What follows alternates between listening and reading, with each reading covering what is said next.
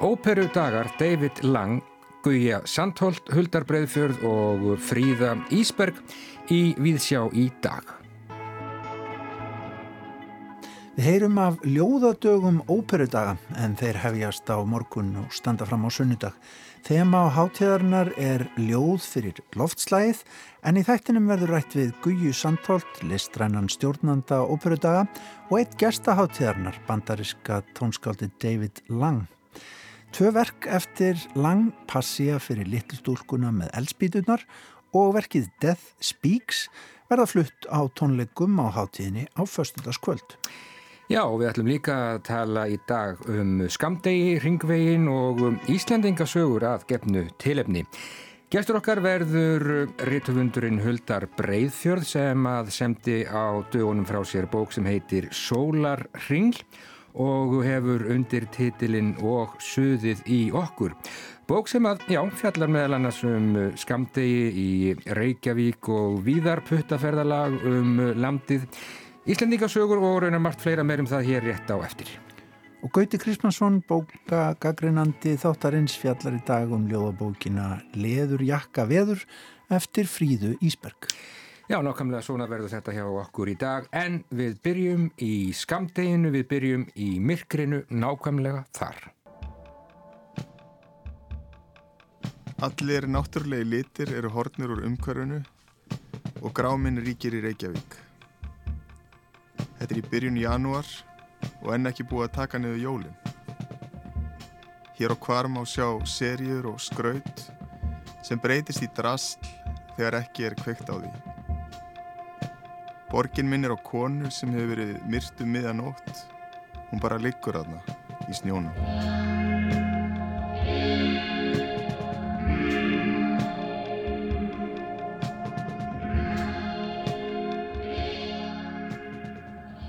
Einaferna enn kemur skamdegið á óvart.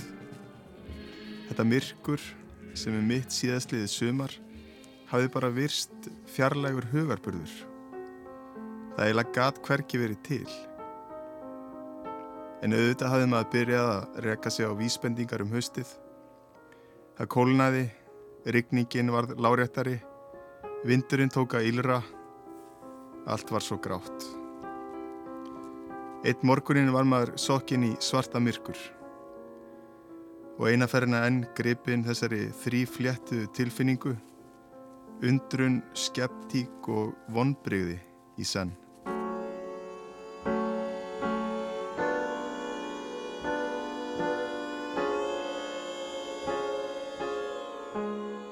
Það er skamdegi í borginni Reykjavík, stundum er eins og Reykjavík sé ekki staður heldur veður.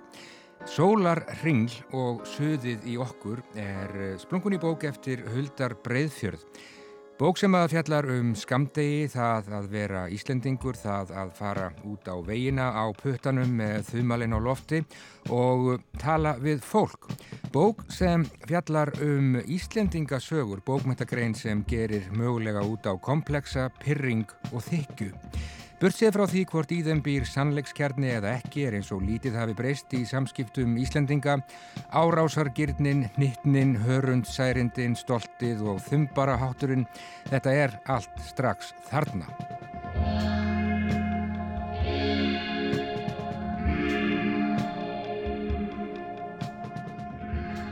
Vildar Breðfjörð sem eh, hefur áður farið ringvegin í bókinni Vinsælu góðir Íslendingar frá árinu 1998 og gengið eftir endilöngum Kínamúrnum eins og hann sagði frá í bók sem að heitir Múrin í Kína frá árinu 2004. Hann reynir hér eins og hann hefur raunar gert áður í það hvað það er sem heldur okkur hér í myrkrinu og hann leitar líka að staðnum þar sem sólar nýtur ekki lengi. Undrun, skeftík og vonbreyði í senn. Við skulum fara út á veginna en byrja í skamdeginu bók um það að vera Íslendingur eða hvað? Já, allir það ekki. Hérna, um, þessi bók svona einhvern veginn var bara hálfgerður lífstíl í einhvern tíma uh, og ég náttúrulega er Íslendingur og, og bý á þessu landi þannig að það hefur örgulega haft einhver áhrif uh, á það hvað fór inn mm -hmm. en uh, Ég hérna, já, hún svona, þess að segja, hún, hún varði til svona einhvern veginn uh, yfir ákveðin tíma og ég vissi ekki svona alltaf hvert þetta var að fara og, og, og, og hvert ég ætlaði mér og þannig að þetta var hún réð ímsu sjálf og hérna það var aldrei neitt svona ákveð uppleg kannski Nei. þetta bara fór einhvern veginn svona en, en ég þó sko var alltaf ákveðin í því að, að hérna þetta sem sagt yrði einn heild og og mér langaði til að skrifa einhvers svona rítgerðir eða þættir eða þætti eða lýsingar sem að svona hengi saman og myndaði einhvers svona heilt. Já, þú byrjar á, á skamdeginu um, og uh, ferðu út í það að velta því fyrir þér sko hvar, hvar uh, sólin er og hvar sólin er ekki. Þú ferð að þefa uppi svona forsælu bæi þar sem að sólar nýtur uh, mjög stutt, sólinn skín ekki uh, heilu mánuðina. Hvað, hvað rakði af stað í, í, í rannsókn á, á myrkrinu?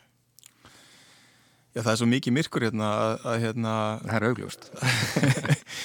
að það er einhvern veginn, e, mér langaði til að svona dífa mér ofan í það. E, ég hérna, þetta, þetta bara fyrirbæri skamdi, hefur mér alltaf þótt áhugavert og, og svona svolítið loðið og hef aldrei geta svona gert við fyrir mig hvað mikið af því er í, í hausnum á mér og og hvað fyrir utan, þannig að þetta var svona einhver, einhver tilröðin til að ná tökum á því hvað skamtiði væri og hvort að mótaði okkur hérna einhver leiti Hver, hérna, þannig að ég fór að skoða það svona frá ýmsum hliðum og fann hennan uh, mjög merkilega lista. Og, og hérna áttað með þau á því að, að þessi listi væri til þá hliti að vera til eitthvað sem að hitti eða væri dimmast í staðu landsins. Mm -hmm. og og hérna, einir ítgerðinni og fjallar um, um heimsókn á þann, þann stað. Já, sem þú þefar uppi, en þú segir einhver staðar að, að hugsanlega sé skamdegið ofmetið, þú vitnar í niðurstöður rannsóknar sem sína það að um, hugsanlega, já, að, að, að skamdegið hafi raun og veri minni áhrif á okkur sem að hér búum en, en búast mátti við um, ofmetið og einhvað sem er til í hug okkar. Sangant, það er það. Já, sangant rannsóknum og, og hérna, þessum aðtugunum en, en ég menna á sama tíma þá, þá held ég að kannist nú allir í það að fara eitthvað, fara eitthvað nýður á þessum árstíma. Já, heldur betur og kannski meira með hverju ári sem sem líður og þá er nú gott að geta leitað í sundlöðurnar og, og farið í, í þunglindislampana sem að þar já, voru eða eru, ég veit ekki hvernig, hvernig það er lengur.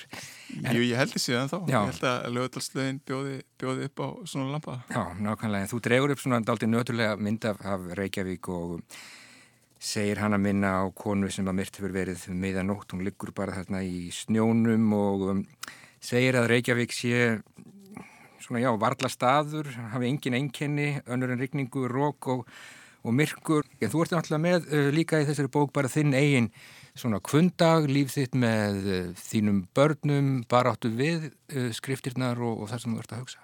E, já, e, hún er örgulega svolítið svona persónleg að því mm -hmm. leitinu til. Um, mér það einhvern veginn, mér finnst það svona tilhera að þegar maður er einhvern veginn að rannsaka sitt eigið umhverfi að, að, að hérna að maður hendi sjálfum sér allin inn og maður er náttúrulega að rannsaka eigið umhverfi í gegnum sjálfum sig og notar sjálfum sig sem einhverja mælstíku og, og einhverja speiklun þannig að, að hérna, ég er hérna óhjákvæmulega líka. Já, og ert með sjálfan þig í forgrunni eins og í fyrri bókum líka. Og talandum fyrri bækur þú lagðir land undir fót á sínum tíma í bókinni Vinsælu góðir Íslandingar þá Fegstu þér Lapplandir jeppa og yfirgafst kaffibarinn og fórst af stað í tekja mánada ferðalag. Núna uh, leggur það stað á puttanum og uh, ert að fara ringvegin á tíu dögum, vopnaður upptöku tæki. Hvað, hvað ragð þig af staði í þessa ferð og hver, hver svona var, var tilgangur hennar? Uh, Kanski svona örglega einn helst ástæðan hérna var bara svo að mér langaði til að tala um fólk eins og, eins og kemur fram í rítgerinni uh, það getur orðið svolítið þreytandi að, að hérna, sitja við skrippborð og einnin í herbyggi svona mánuðum saman. Já, þú segir, mér langaði bara til að tala við fólk fannst það spennandi að standa við vegin og húka bíla í stað þess að setja kyrr og setja þumelan upp á, á netinu. Það er ágætt. Já, akkurat. Og hérna, þetta var bara einhver útþrá og erðalessi Mér langaði að hérna, tala við fólk Mér langaði að tala við fólk og mér langaði að heyra svona uh, já, í, í hérna í þjóðinni, ef maður getur sagt svo leiðis, mm -hmm. en hérna Já, mér fannst þetta alltaf einu eitthvað spennandi að, hérna, standa bara við veginn og sjá hver kemi næst og, og um hvað um hva fólk hérna yfirleitt talaði. Þannig að, að hérna, þetta er eitthvað skonar, skonar rannsókn á því um hvað, um hvað við tölum. Já, einmitt.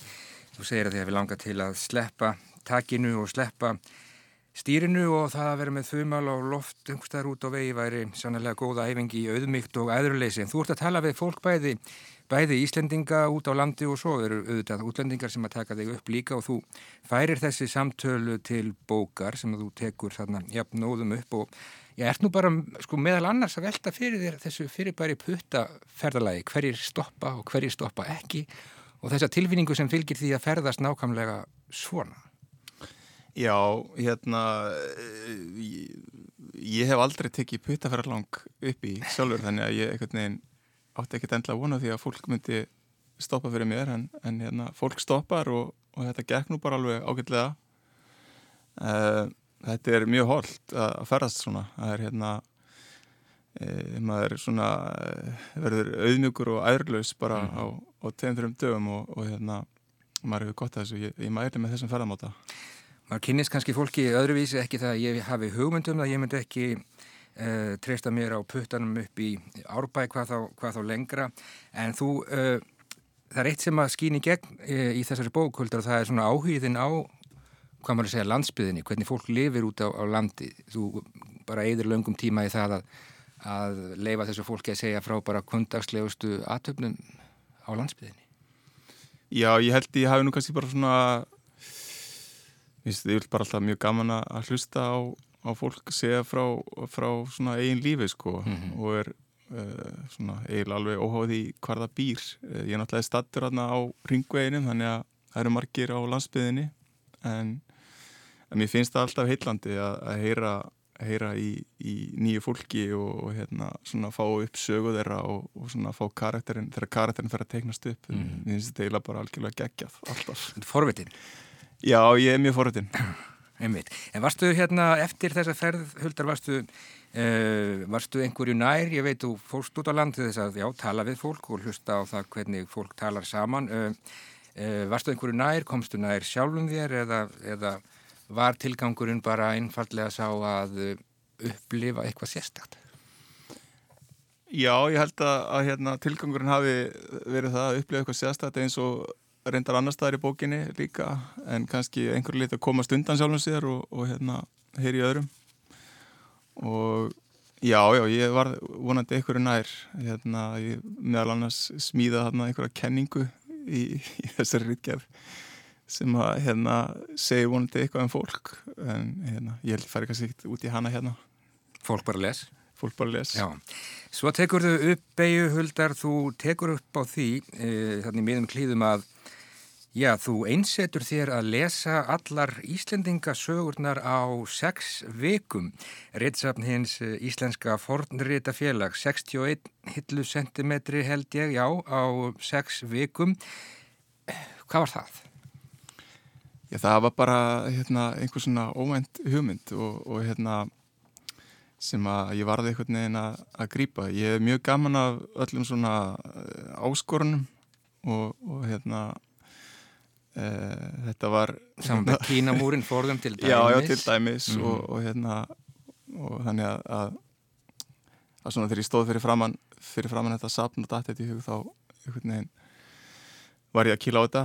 En ég, svo, svo sem líka haft áhuga á, á Íslandikasögum svona verið forvitin um þar í, í eitthvað tíma, sérstaklega finnst mér sko gaman hefur mér þótt gaman að lesa um lesa skrif um Íslandikasögum þar og og við eigum svo marga flinka hérna, fræðimenn sem hafa skrifað bara mjög skemmtilegar greinar um Íslandikasögunar en það er oft sem að finna fyrir því að maður hefur ekki lesið sögunar og, þetta var svona ágætt tækifæri til, a, til að lesa sögunar og, og hérna og svona líka að bara dífa sér, dífa sér í þetta. Og svo náttúrulega kemur það ljós uh, mjög fljótlega þegar maður byrjaðar að fara inn í þetta hvað er ótrúlega mikið af uh, frábærum sögum atna, og frábærum efni við sem maður hérna, þekkir ekki. Uh, til dæmis bara fyrir fyrir kvikmyndegara fólk uh, það eru marga bíómyndir og marga sjónserjur líka Já, ótamandi brunnur algjörlega en þetta, þessi lestur þinn, hann er kannski og skrif uh, þín um hann,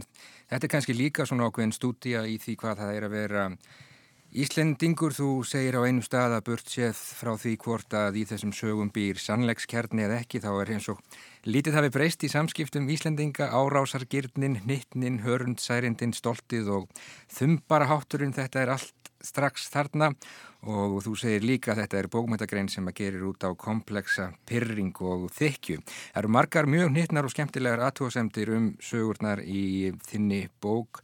Huldar, þú ert greinilega mjög hrifin af uh, lagstælu og þegar þú ætlar að fara að fleia ritsafninu þá tímur þið ekki vegna þess að þú vilt ekki að lagstæla breytist í eldús og rullu hef ég mann rétt. Þú segir um hrappkjölsögu að finna hana í safninum á líka við að uppgötva ágæti spyrjun með Sigurós í plötukassa föðursins sem að held að hefði aldrei hlustað á annað en Hljóma, Flowers og um, Traveling Wilburys og þú segir líka að skipta úr lagstælu í gíslasögu var eins og lítið upp úr skartgripa skríni og horfa inn í skreiðarhjall og svo framvegis og svo framvegis. Um, Þú lýsir þessari glímu mjög skemmtilega, þetta tók á um tíma en þannig skýn í gegn svona ákveðið svona, hvað maður að segja, heitlandi virðingarleysi í þinni umfjöldunum um þessar sögur. Já, hérna, ég reyndi mitt að, að, að tækla þetta uh, af svona hæfilegu virð, virðingarleysi. Mm -hmm. uh, mér hefur stundum þótt svona umfjöldun kannski um íslíkasögurnar og nálkuninu verða svolítið timbruð. Hátíleg. Og hátíleg. Mm -hmm. uh, uh, sem er skömm vegna þess að þetta er svo frábært efni og flotta sögur og flotta personur og, og hérna uh, ég bara svona var að vonast í þess að þetta er því kvartning til að fólk hérna, færa að lesa lesa sögurna meira Já. og ég reyndi að skrifa þetta þannig líka að, að hérna, fólk þýrt ekki að vera búið að lesa þessar íslendika sögur uh, til, a, til að skilja það sem að ég var að skrifa um nei, nei. og reitgerinn fjallar svona kannski svolítið um eða þessi texti fjallar um það að lesa sögurnar í heilsinni frekar en kannski að ég sé að fara á dýftina í, í hverja vatni sögu. Já, sko þú rekur eh, söguþræði og kommenterar svo á hverja sögu fyrir sig og þú náttúrulega endar bara í símanum, þetta er, þetta er alltaf þungar bækur til að halda á fyrir, fyrir grannamenn og ég held að þú líkir útgáfi svarts á kvítu á öllum Íslendingasögunum við já, amrist samlokugrill, hún er svo þung en eh, sko þegar þú ert búin að þessu þá ertu komin á einhverjar nýjar slóður og þú uh, endar þessa bókhuldar e, þar sem þú byrjaðir eiginlega með skamdeginu og já, leit þinni að bænum þar sem að sólar nýtur stist. Já, uh, ég fer hérna í heimsókn á þann stað og uh, er þar með svona ákveði verkefni sem að það verður nú tvísindum þá tímafélag hvort það takist mm -hmm. uh, en hérna Það er bærin höfðabrekka á Grenivík já, í Ægafjörði. Já, já, það er, það er hérna, samkvæmt listanum góða er það uh, dimmasti staður landsins. Nákvæmlega. Uh, þannig að það var, það var áhugavert. Og þangað fyrir þú til að upplifa eitthvað sérstakt og það gerir þú uh, svo vorar og svo haustar aftur og Marja Erlan, hún kemur sér fyrir í gardinum hjá þér uh, ferðalæginu er lokið þessu við og veru þrý þætta ferðalægi myndi ég segja. Uh, þú í að ræði undir lokbókar huldar að þú sért að fara að breyta þér í glæpasagnahöfund er eitthvað til því? Já ég kannski ekki breyta mér í glæpasagnahöfund en, en hérna ég á örglega eftir að skrifa eitthvað tíman glæpasögu. Ég, ég hérna, hef gaman að lesa þér og, og ég fengist til að skrifa kvikmyndahandreit og struktúrin í glæpasögum og kvikmyndum er, er svolítið, oft svolítið svipaður. En eh, svona ég vona með þessa bók að, að hérna uh, ég læði svolítið upp með það að reyna að skrifa bók eh, eins og svona sem líktist þeim bóku sem mér finnst skemmtilegast að lesa og skemmtilegast að finna sem eru svona oft uh, rítgerasöfn sem að mynda heild en, en taka mann svona í óvantar áttir og uh, eru kannski svona einhver leiti ófyrsjánleg svona maður fer á staði sem maður kannski bjóst ekki við að höfundurinn ætla að taka mann á. Get nefnt höfunda eins og Alexander Hemmon eða Jeff Dyer eða e, Johan Didion mm -hmm. þetta eru bækur sem að gefa mér mikið þannig að þetta er svona líka einhver liti svona ykkur tilrönd til að skrifa eitthvað í það átt Já, það eru þínar slóðir, annars bara meiri skrif kvikmyndahandrit eða hvað? E, já, já, hérna maður heldur bara áfram í, í harkinu og verður alltaf með einhver svona nokkuð verkefni í, í, í gangi svo er bara uh, sjá svona hvað hvað fer í gang og hvað ekki. Já, ég segi bara til hamingu með bókina Sólarringl sem ég held að sé nýjirði, ég fann allavega ekki orðabókinni í morgun. Sólarringl það er bók en svo verður útvarp síðar, ekki satt? Jú, hérna, uh, ég er að gera útastættið með Guðina Tómasinni og þeir verða uh, eitthvað tíman á ætti að vera daskra auktumann á næsta ári, kannski svona með vorinu. Ljómandi hlakka til að heyra, ég segi bara aftur til hamingu og takk kærlega fyrir komuna í Víðsjá Huldar Breiðfjörð og gangið allt í hæginn, takk. Takk. On the road again I just can't wait to get on the road again The life I love is making music with my friends And I can't wait to get on the road again road again, going places that I've never been, seeing things that I may never see again. And I can't wait to get on the road again. Here we go. On the road again, like a band of gypsies, we go down the highway. We're the best of friends, insisting that the world keep turning our way and our way. Is on the road again. I just can't wait to get on the road again. The life I love is making music with my friends. And I can't wait to get on the road again. Big finish. And I can't wait to get on the road again. Thank you all very much. Thank you very much. Thank you, John. Já, tvær kanonur Johnny Cass og Willie Nelson on the road again á vegum úti og þar heldur Huldar Breiðfjörð sig. Gerðan það blundar flækingur í honum, nei hann blundar ekkit flækingur í honum, hann er gladvakandi.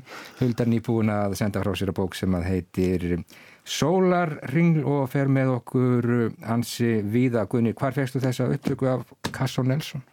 Þeir voru saman í sjónvarsal hjá Vafhá 1 sjónvarstöðinni fyrir ansi mörgum árum þessir menn, þetta er náttúrulega áður en að Kastó skiljanlega, en, en ég held að Vili Nelson sé já, ennað túra í vandrarkjörnum sveimið þá. Já, það er þinn maður Já, já, hann er ágættur. Algjörlega. Við viljum halda okkur við bókmyndir hér í Víðsjá á þriðu degi.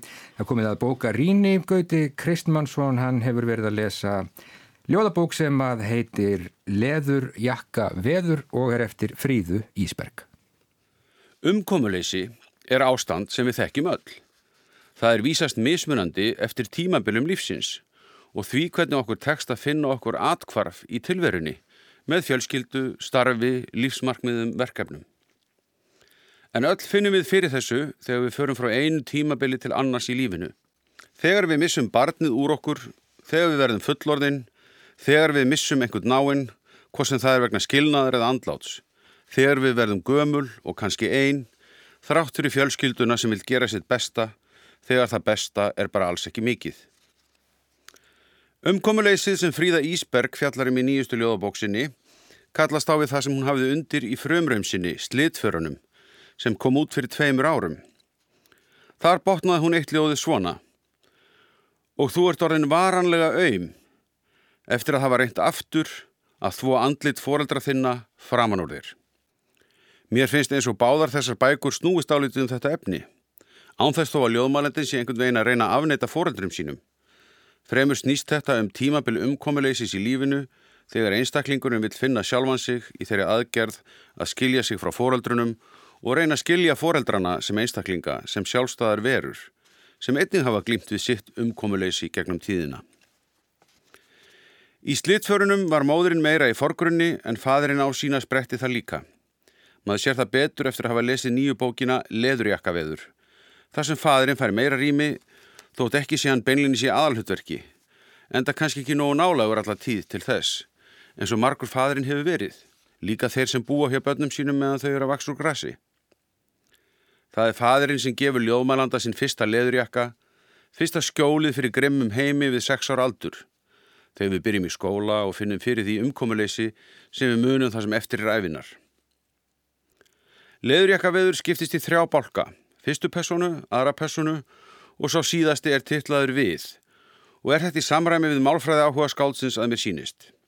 En ljóðmælandin læðir að málfræði pælingum hér og þar og á það við um báðar ljóðabækur skáldsins.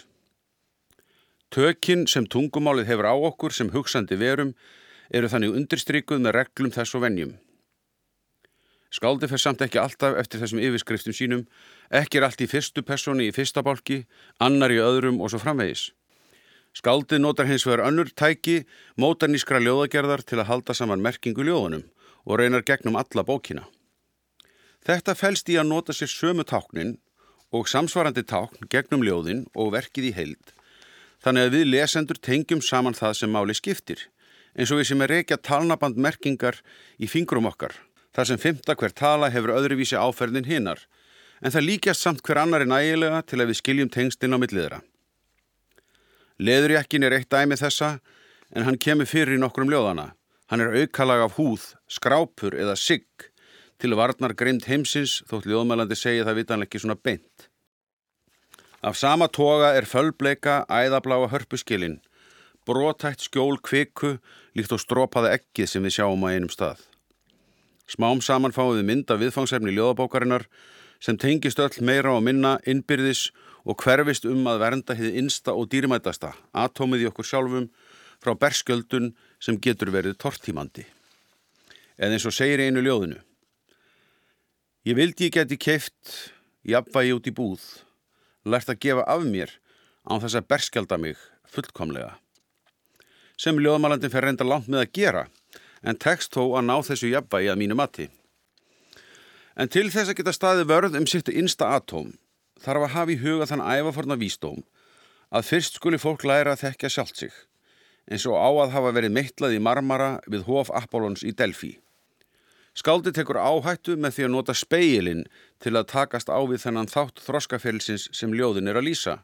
Áhættu vegna þess að speilin er margnótuð mynd og myndkverfing, hverstaslegt fyrirbæri sem finna má á hverju heimili og flestum liftum. Speilin er að mörguleiti ekki mjög skáldlegu lengur. Þóttan hafi verið flottur í innræðu Ríkars Annars í leikriti Shakespeares þegar hann áttaði sig á því að speilin í hönd hans síndi ekki lengur konung, heldur umkomulösan einstakling, án valda og glóriu sem hann hafði áður notið. Speillin er kannski svo litið klísjukendur í ljóðinu hjátrú en það hafði verið bætt upp með tveimu ljóðum á undan þar sem við fáum að njóta nýstarlegri taka á þessu takni.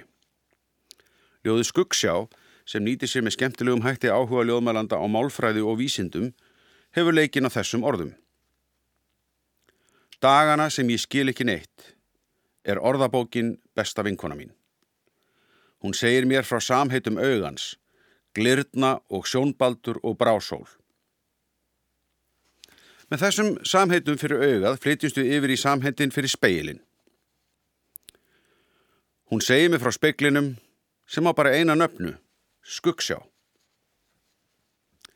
Áfram er haldið í orðabókinni, hvaða orðabók langar mig að vita?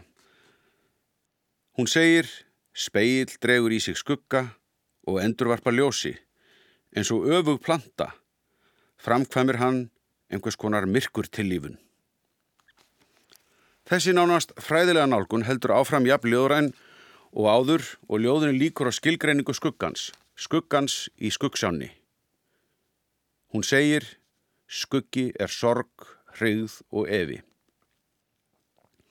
Þetta ljóð sínir vel hvernig hægt er að fástu klísugjan tákn á nýjan hátt, gefa þeim framhaldslíf því oft eru þau nöðsynleg, þau eru einmitt svo augljós og þekkjanleg öllum og skáldin þurfa á þeim að halda aftur og aftur.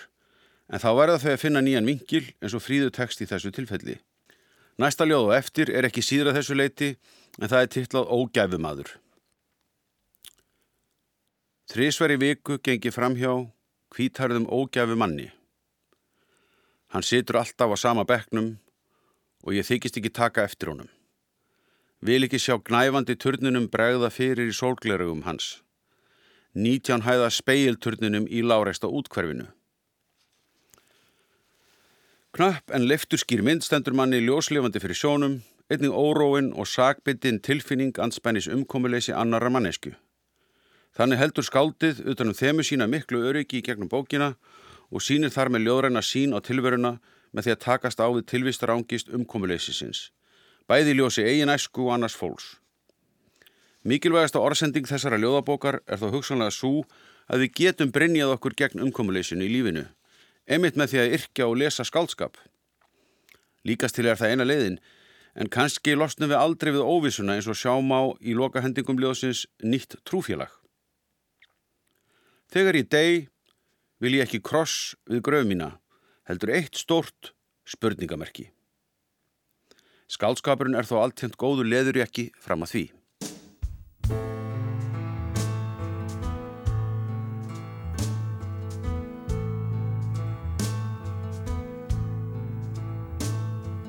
Get down, get down, little Henry Lee and stay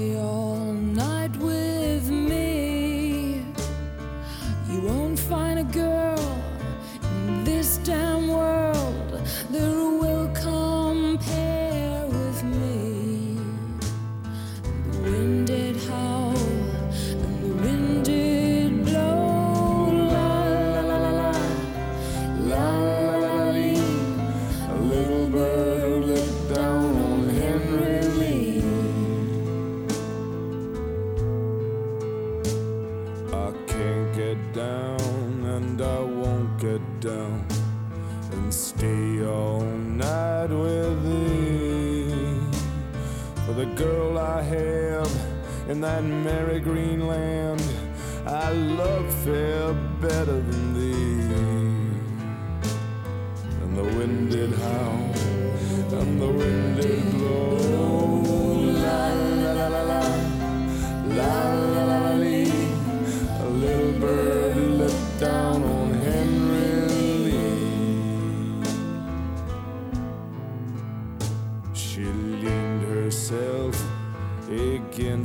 fence just for a kiss or two. And with a little penknife held in her hand, well, she plugged him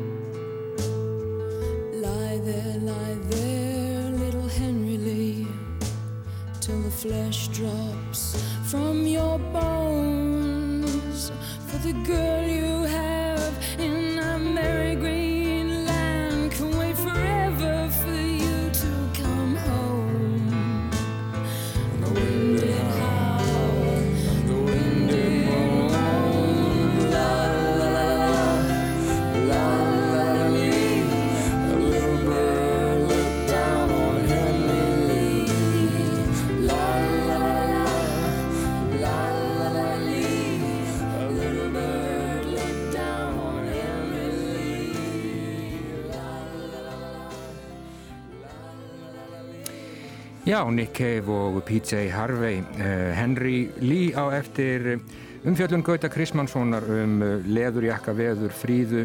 Ísberg, uh, bók sem aðmati Gauta fjallar ekki síst um umkomuleysi. Þau er ekkert sérlega umkomulaus, PJ Harvey og Nick Cave. En falleg voru þau og eru að mista kosti þegar þau voru par. Ég held að Nick Cave sé ennskotin í PJ Harvey og lái honum hver sem vill. Og meiri tónlist. Hópur ungra söngvara og sviðslista fólks á óperusviðinu blæst nú til óperudaga sem að hefjast á morgun og standa fram á sunnudag, eru haldnir í þriðja sinn. Þema háttegarnar að þessu sinni er ljóð fyrir loftslæð og ætlunin að beina sjónum að stæsta málefni samtímans, loftslagsbreytingunum. Söngurinn, tónlistin og ljóðin sem eru fyrirferða mikil að þessu sinni á hátteginni verða notuð sem miðil til að hvetja til hópeflis, umræðina, íhugunar og lausna á vandanum, eins og segir í kynningu. Eins og síðustu ár er það Guja Sandholt sem að fer fyrir hátíðinni. Okkur langar til þess að prófa það að eh, fjalla um eh, lofslagsmálinn, umhverfismálinn í ljóðum og tónum og ég held einmitt að það sé mjög góður miðil til þess að, að, svona, að eh, skoða þetta viðfangsefni sem er stærsta mál samtímans. Já, Þannig að af hverju ekki að fjallum það í, á, á, hérna, í okkar miðli, með okkar miðli. Einmitt og ætti að vera engum óviðkomandi eins og, Nei, eins og sagt er. Sko hvað er hérna, er einhver áhersla svona í verkefnavalinu hjá okkur núna? Þið, þið eru alltaf með aldrei óvinnlega tónleikastæði, eða ekki? Jú, við erum sko bara reyndar bæði vennilega og, og óvinnlega en varðandi verkefna valið þá langar okkur í þetta skipti til þess að lækja áherslu á ljóð, söngljóð og líka lesenljóð. Við erum svona að breyða okkur aðeins út þannig að um, hvetjum allir til þess að líka flyt, flytja bara ljóð á ljóðastöðum sem verðum með út um alla borg. Mm. En tónlistin í ár, hún er svona reyndum að velja prógramið tónlist sem að fallega tónlist, tónlist sem er svona innkverf mm um, sem að fær fólk til að staldra við, hlusta og njóta og þá hugliða svolítið í leðinni og þá erum við með svona þemað bak við eirað.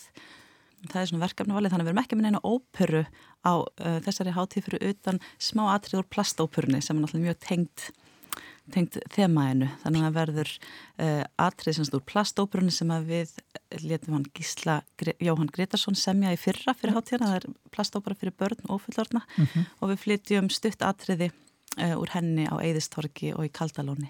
Svona til að minna á hana. Á svo flott stekki En það er heilmikið hópu listamanna sem kemur á hátíðinni maður sér það uh, þetta er svona fólk sem að sumir velþægtir í bransanum, aðrir nýjir af nálinni, ekki svo? Jú, og það er líka markmið okkar að reyna að fá alltaf til þess að vinna saman þannig að uh, nýja fólki kynist uh, reynslumera fólkinu og allir vinni saman.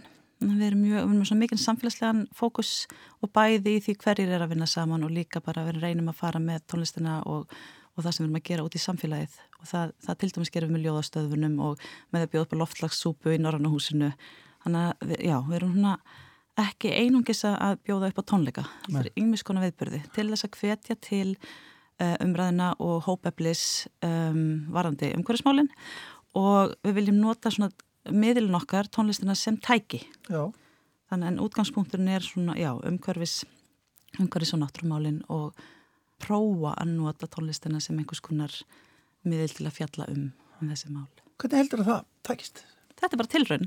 Og það er líka okkar starf sem bara listamennir eiga að vera í tilraunastarfsemi og prófa hvernig getum við nota þessa miðla til þess að hafa raunverulega áhrif? Og eins og ég myndist á reyndari viðtalið hérna um daginn þá var ég mjög um, góður íslensku inspiriruð að þegar ég fóra að hlusta á andra snægjum daginn sem er einmitt að gera þetta með bókinni sinni. Hann er eiginlega að, að fjalla um það sem að vísndamennir eru fyrir löngu búin að segja okkur varðan lofslagsmálinn og gera það skilnilegt og við erum að prófa það líka með tónlistinni að um, það er erfitt allar upplýsingar sem að vísndamennir hafa gefið okkur varðandi lofslagsmálinn eru svolítið erfið að melda og maður skilur þau ekki alveg ég skil þau ekki sem bara svona venjuleg íslensk kona mm -hmm. þannig að mér langt til þess að fjalla um þau og uh, skoða þau í þessu samhengi. Það er hægt að nota ímist tól og tæki já. til þess að skoða þetta vandamál sem já, er svona meðlegt hjá okkur. Já, að segja sögur, syngja, uh, fara með ljóð og, og líka gera eitthvað það sem, sem fólk kemur saman og spjallar saman í rólegheitum, já, á, líka bara það sem fólk á notalega og góða stund saman. Mm. Um,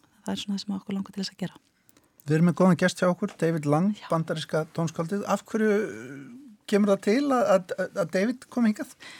Um, við ákvaðum að vera með tvö verk eftir hann á uh, hátíðinni, uh, Little Magical Passion og Death Speaks sem eru óbáslega falleg verk sem ég kynntist sjálf út í Hollandi þar sem ég hef búið undan farin ár.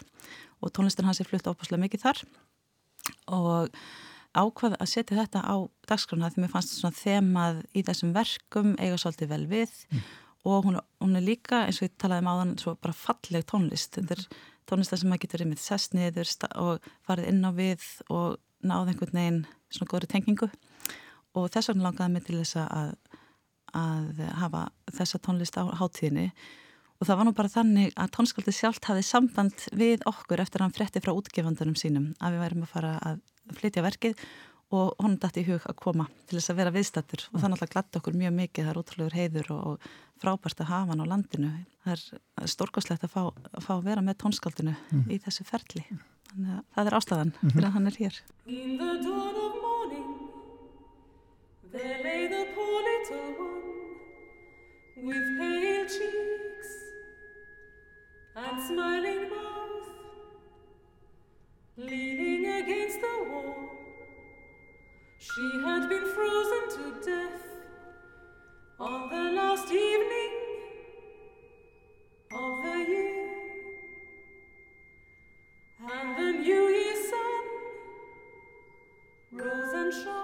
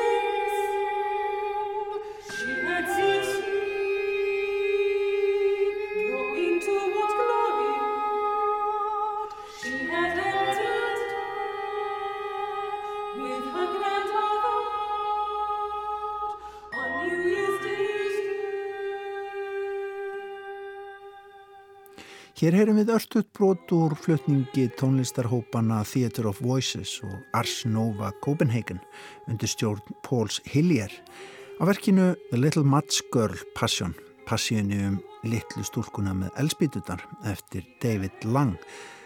En verkið samti þetta bandariska tónskáld fyrir Hillier og tónlistafólkið á sínum tíma. Lang er velþægt tónskáld meðal annars einn af stopnendum Bang on a Can tónlistarhópsins og markvelunaður fyrir verksín. Hann fekk meðal annars Pulitzer-velunin í tónlist árið 2008 fyrir þetta verk sitt um stúlkuna litlu úr ævindri Hási Annesen. Þegar lang var beðinum pöntununa fór hann að velta fyrir sér hverju Hillier hafði stjórnað og þá var það veitanlega engum trúarleg tónlist.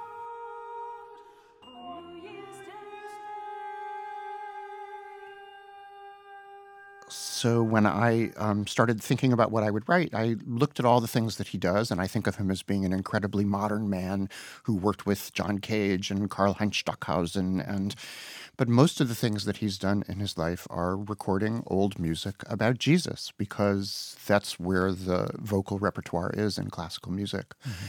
and So I thought, you know, maybe um, I should do something that deals with that tradition. Ég er ekki kristinn, segir David Lang, en mér langaði samt að semja verk sem að hefur með þá miklu tónlistarhefð að gera. Þegar maður er hrifin af klassískri tónlist þá sér maður auðvita að hún er uppfull af kristinni tónlist, til dæmis Bach sem er mestur allra tónskálda.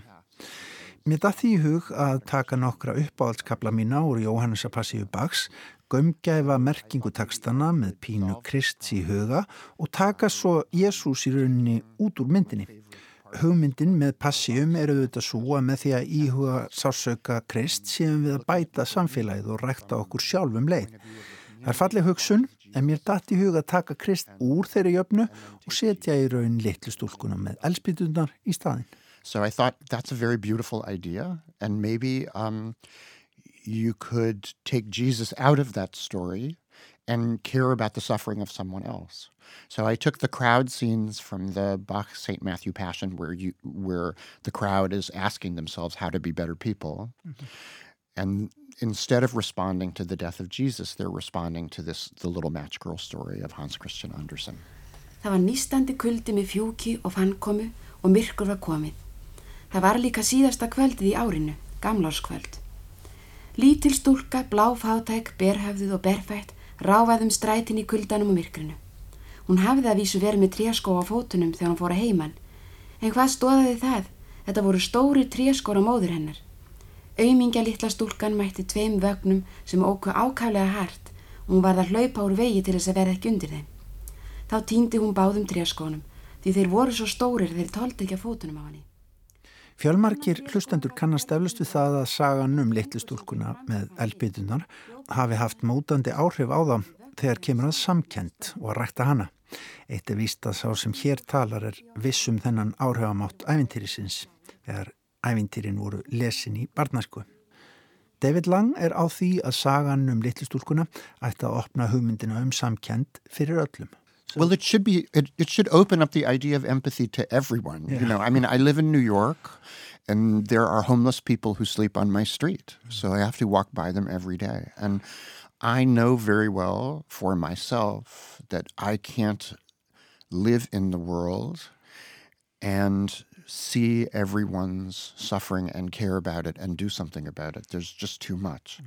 So I have a problem that I think we all have, which is that in order to live, you have to um, decide what you care about. But I think the point of the passion story is that um, we could all care more. Mm-hmm. We, we should all be better at noticing the suffering of the people around Ég sjálfur bý í New York, segir David Lang og það er heimilislust fólk sem að hefst við á gödunum minni og maður veit að maður þarf að velja af hverju maður hefur áhyggjur og hvað maður getur gert í að bæta líf annara. Við eigum öll við þetta etja en píslagangan og sagan um litlustúlkuna með elspítunar eiga það sameigilegt að opna auga okkar fyrir því að við ættum öll að reyna að gera aðeins meira hafa meiri jákvæð áhrif á líf annara. Þetta ávið í heimi Hási Annesens rétt eins og í verildinni sem að ég bý í, segir Lang.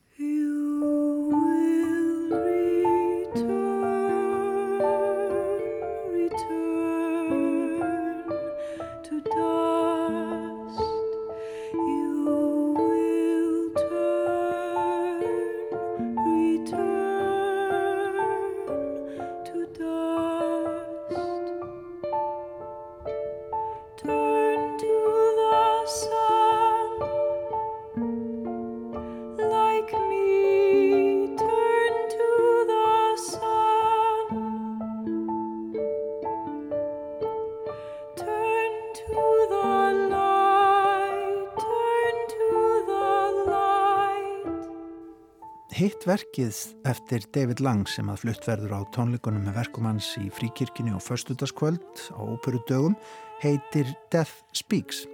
Það er líka byggt á arfið tónlistarsögunar en Lang fór skipulega í gegnum hið mikla sönglegasa Frans Schuberts og týndi þar til þau tilvig þegar að dauðin sjálfur tekur til máls í mörgum lagana. I am very nerdy and I love classical music and um, and so one of the things that I I've always loved about the songs of um, Franz Schubert is that um, there's this in- incredible emotion that comes from death being present in lots of those songs. So and death David Lang sem ætla að vera að leggja raunvísindin fyrir sig og verða læknir hugsaður oft út í það af hverju hann hafi orðið tónlistamæður og tónskáld. Af hverju heimur, síkildrar og samtíma tónlistar hafi dreyjaðan að sér og yfirtekið lífans. Hann spyr sér oft hvað er það sem er svona gott við þennan tónlistar heim. Actually, I sort of look at classical music and I, um, I wonder why I'm interested in it. You know. So um, I went to school to study chemistry. I was supposed to be a doctor. you know, and go to medical school, which I didn't do, but I, I, I, studied chemistry in college. And, and so I think I've always looked at classical music as being something that happened outside of me. You know, I wasn't supposed to be a musician. Mm-hmm. And so part of that is I look at classical music and I think, well, it's so meaningful to me. Why? Mm-hmm. What's so good about it? You know, what's interesting? Ég líti á mig sem málsvara klassískrar tónlistar, segi Lang. Allar hinar tónlistarstefnunar eru alveg nógu fyrirferðamiklar og þessi tegund verka minna, verk sem eru raunni byggð á verkum annara, verk eins og Passía litlu stúlkunar með elspítutnar og Death Speaks, byggt á Schubert, eru því mín aðferð til að íhuga síkilda tónlist, tilvist hennar og ágæti og skapa verk út frá þessum merka arfi. It's about something that already exists and it's um, my opportunity to think about it and to comment on it.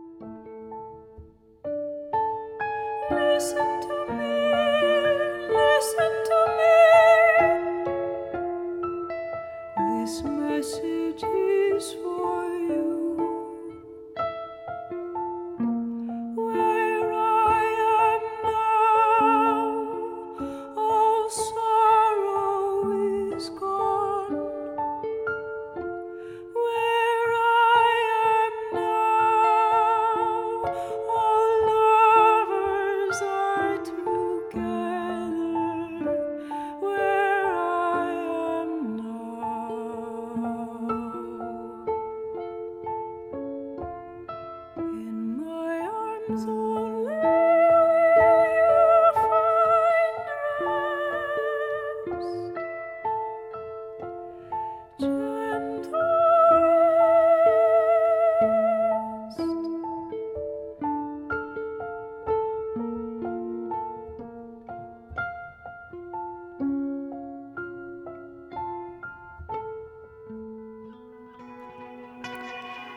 voru nokkri tónar úr verkinu Death Speaks eftir bandariska tónskáldu David Lang sem við heyrðum þarna í. Rættum við hann og Guðju Sandholt sem er listrætt stjórnandi ljóðadaga óperudaga sem hefjast á morgun og standa fram á sunnundag. Tónleikadir með tónlist Davids Lang verða á dagskrá hátíðarinnar í fríkirkjunni á förstutaskvöldið klukkan 20 en það má benda fólki á að fara einfallega inn á vefin skoða óperudagar.is þar er hægt að sjá allt tónleika hald á þessari hátíð. Það tegir sig víða um bæin en það má til dæmis geta þess að eitt af verkefnum sem er í samstarfi við hátíðina þessu sinni er flutningur á Jóhannesapassju Bags hann verður í Langkválskirkju á lögadaginn annan nómber. Já, ljómandi gott en ég held að þetta sé bara búið hjá okkur í dag. Verðið sér.